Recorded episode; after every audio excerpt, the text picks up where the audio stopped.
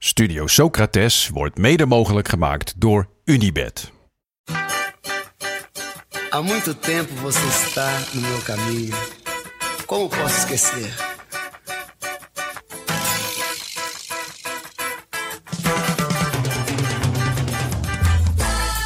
Welkom bij Studio Socrates, een podcast over alles wat voetbal mooi maakt. Met elke vrijdag een korte vooruitblik op het weekend. Onze kijk, lees en luistertips over al het moois in de wereld van voetbal. En we worden mede mogelijk gemaakt door Toto. Wat kost gokken jou? Stop de tijd, 18 plus. Maar eerst, Jasper?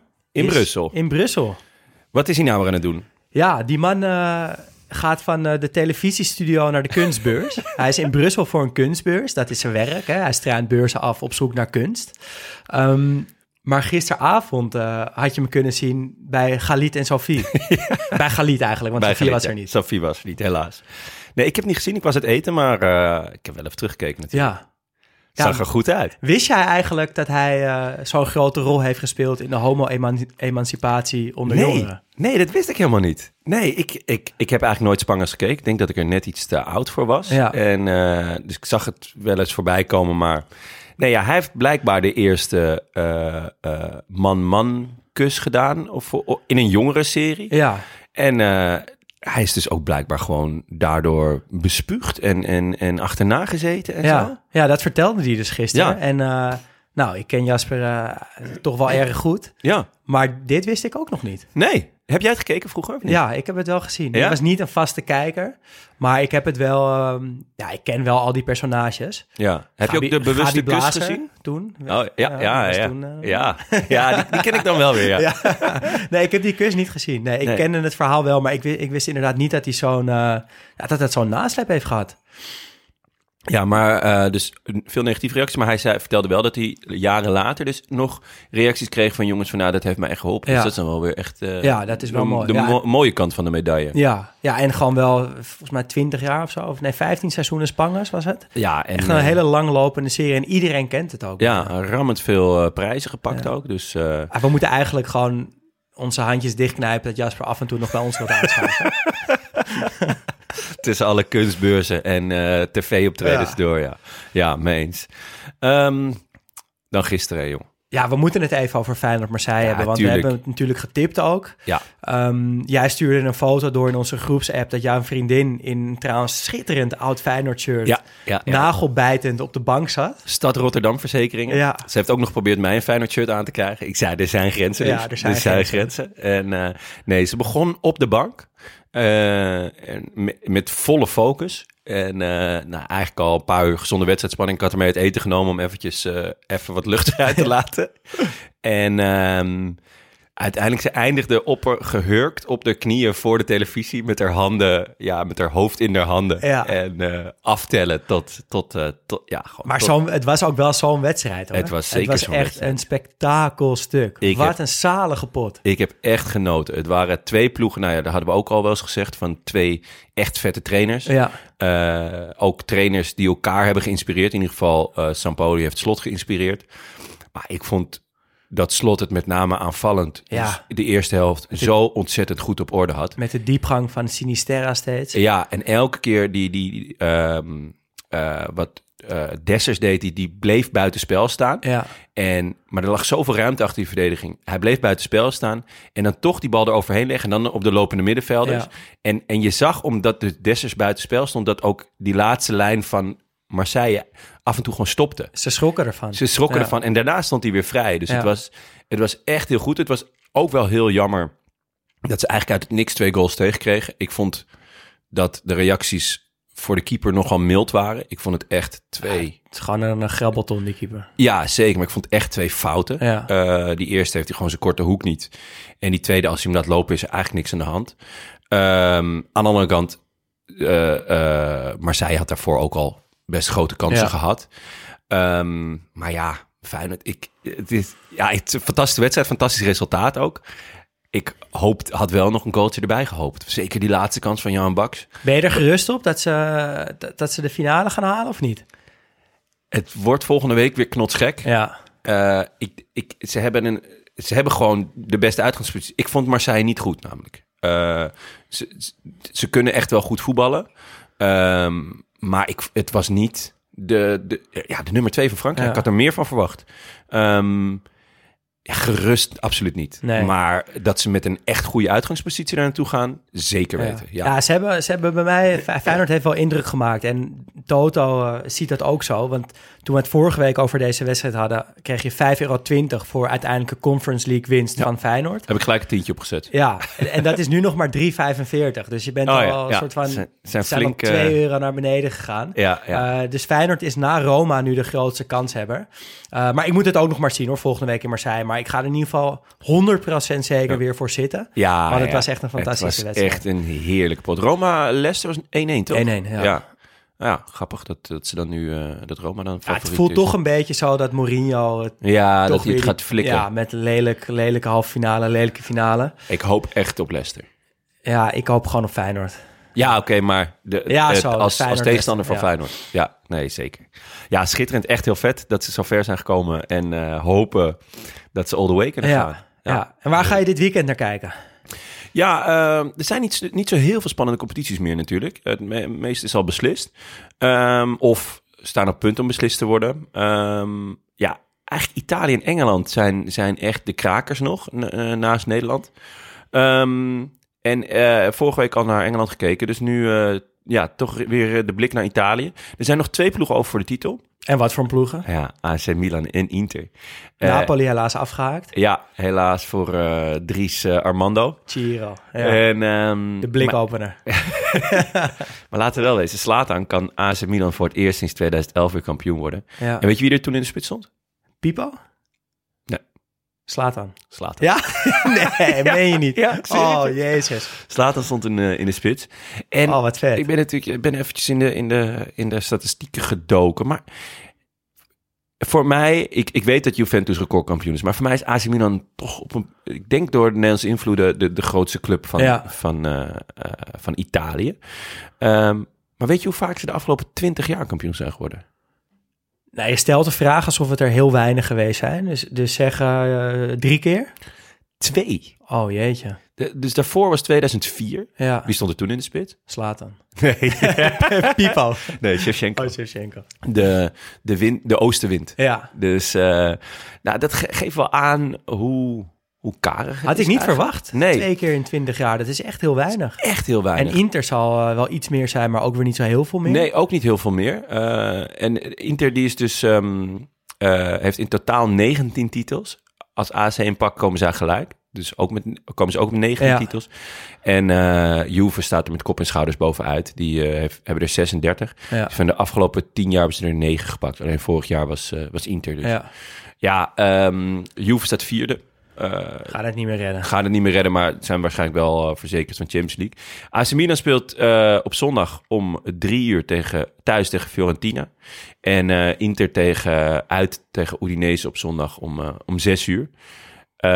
En het verschil tussen de twee ploegen is slechts twee punten in het voordeel van AC. Dus Ja, en nog vier potjes geloof ik, hè? ja, ja, rammend spannend. Heel spannend. En ook mooi dat het tussen de twee Milanese clubs gaat. Heel vet. Echt heel vet. Andere competitie die nog spannend is, is eh, België. Ja, Vanwege dat rare playoff systeem. En we hadden natuurlijk beloofd eh, dat we daar wat uitleg over zouden verschaffen. Hebben we niet zelf gedaan, maar Paling heeft een mooie voice memo over de Belgische playoffs eh, toegestuurd. Gaan we even luisteren. Ha mannen, Paling hier. Jullie hadden graag wat meer informatie gehad over de play-offs in België. Oké, goed zo. Ga wel even zitten, want het is tamelijk ingewikkeld. Dus de play-offs in België zijn begonnen in het seizoen 2009-2010. Eh, toen hadden we 18 ploegen, maar ja, dat is nogal veel profploegen in, in, in zo'n klein landje als het onze. Eh, en men ging naar 16 ploegen. Ehm, het, wou, het moest allemaal attractiever ook. Eh, en dus werd play, werden de play-offs opgericht. Aan het einde van het reguliere seizoen zouden de eerste zes ploegen in play-off 1 spelen voor de landstitel. Maar ze zouden ook starten met een halvering van de punten. Dus als je aan het reguliere seizoen met 60 punten zou eindigen, dan startte je dan met 30 punten in play-off 1. Play-off 2 bestond ook. Dat was dan twee keer vier ploegen, de nummer 7 tot de nummer eh 14. Die begonnen dan elk op 0 punten. Die speelden dan heen- en thuismatchen. En de winnaar van play-off 2A speelde dan tegen, twee of, tegen de winnaar van play-off 2B. De winnaar daarvan die speelde dan tegen de, tegen de vierde van play-off 1 voor een laatste Europees ticket. Playoff 3 was echt een, een debakkel. Dat waren dan de laatste twee ploegen uit de reguliere competitie. Die speelden dan vijf wedstrijden tegen elkaar. En de winnaar van die vijf, van die vijf wedstrijden, eh, dat was een soort mini-competitie. De winnaar van die vijf wedstrijden, die mocht dan barragewedstrijden spelen tegen tweede klasse om, om alsnog in eerste klasse te blijven. De verliezer zou dan rechtstreeks degraderen. Na twee jaar wou de meerderheid terug naar het oude systeem met 18 ploegen.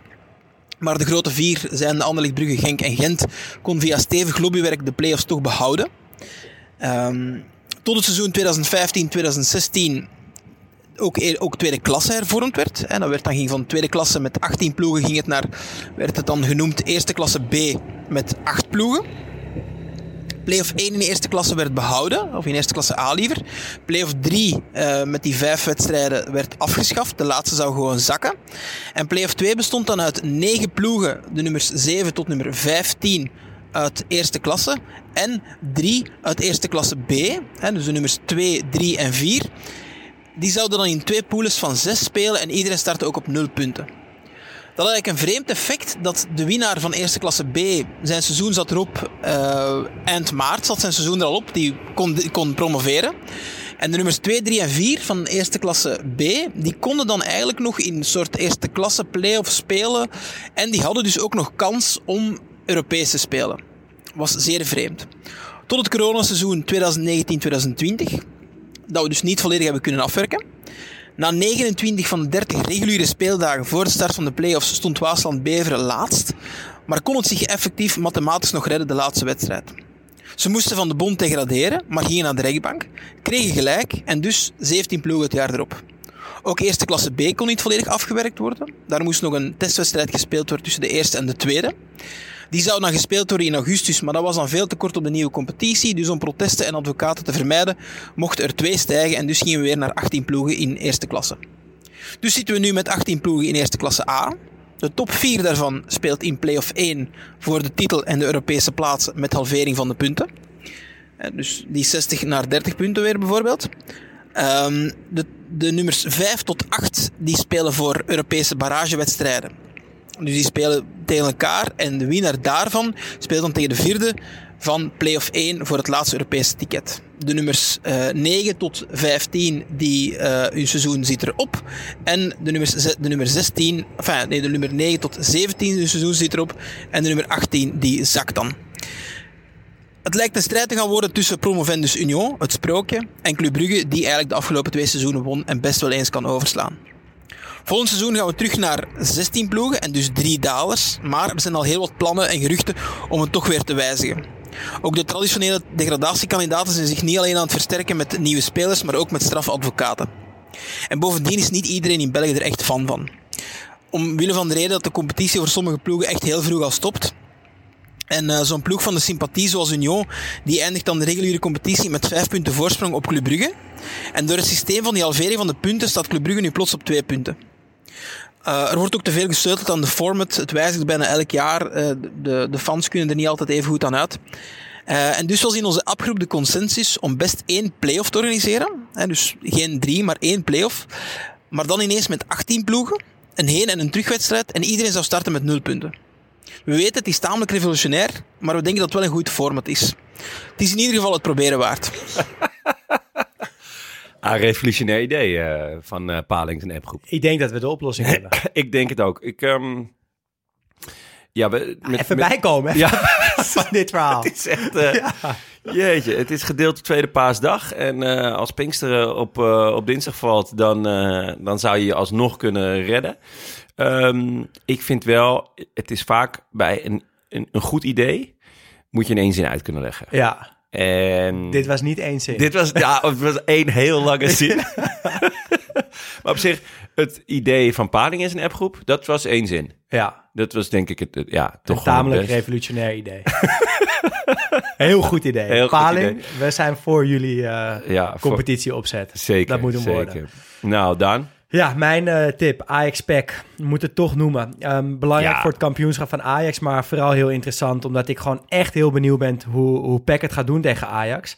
Eh, net als altijd vol op de aanval, misschien iets teruggetrokken. Ik, ik vraag het me af. Of, Ik eh, denk of- vol op de aanval. Ik denk het ook. Ik denk Ja. dat Schreuder zich niet gaat aanpassen. Nee.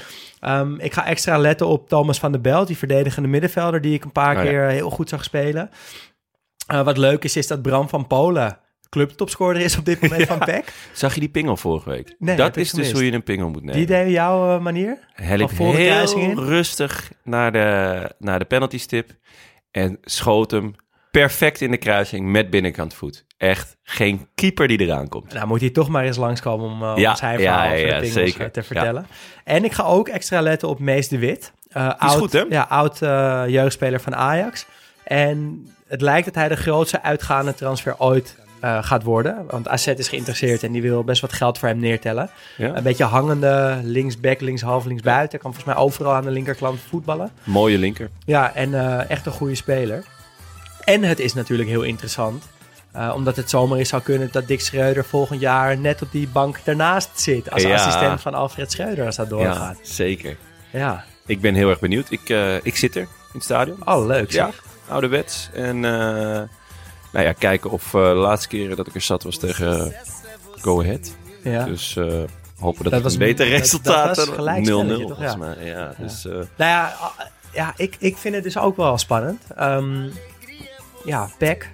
Ik kreeg een paar, paar dagen terug 21 euro voor een overwinning van PEC. ja. Nu 19.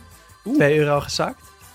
Ik ben dan toch benieuwd, moet, moet ik je aan Toto vragen, van waarom dan zo, zo twee dagen van tevoren ineens van toch twee eurotjes eraf of zo? Ja, misschien heeft PEC een hele goede laatste training.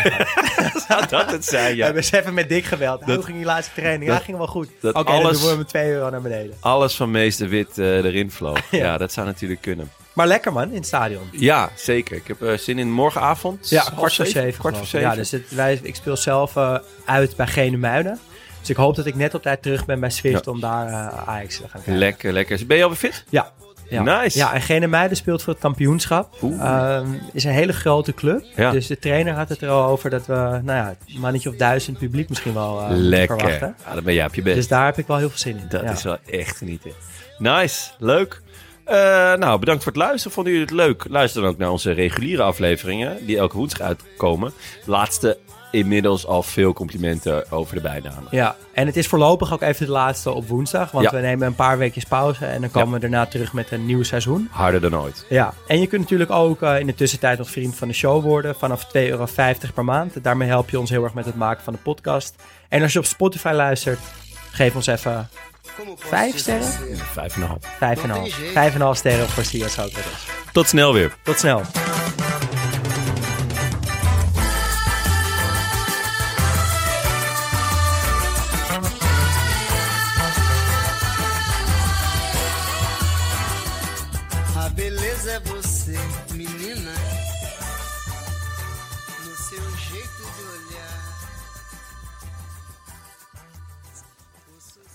Tot slot nog een kleine update of boodschap voor Jasper.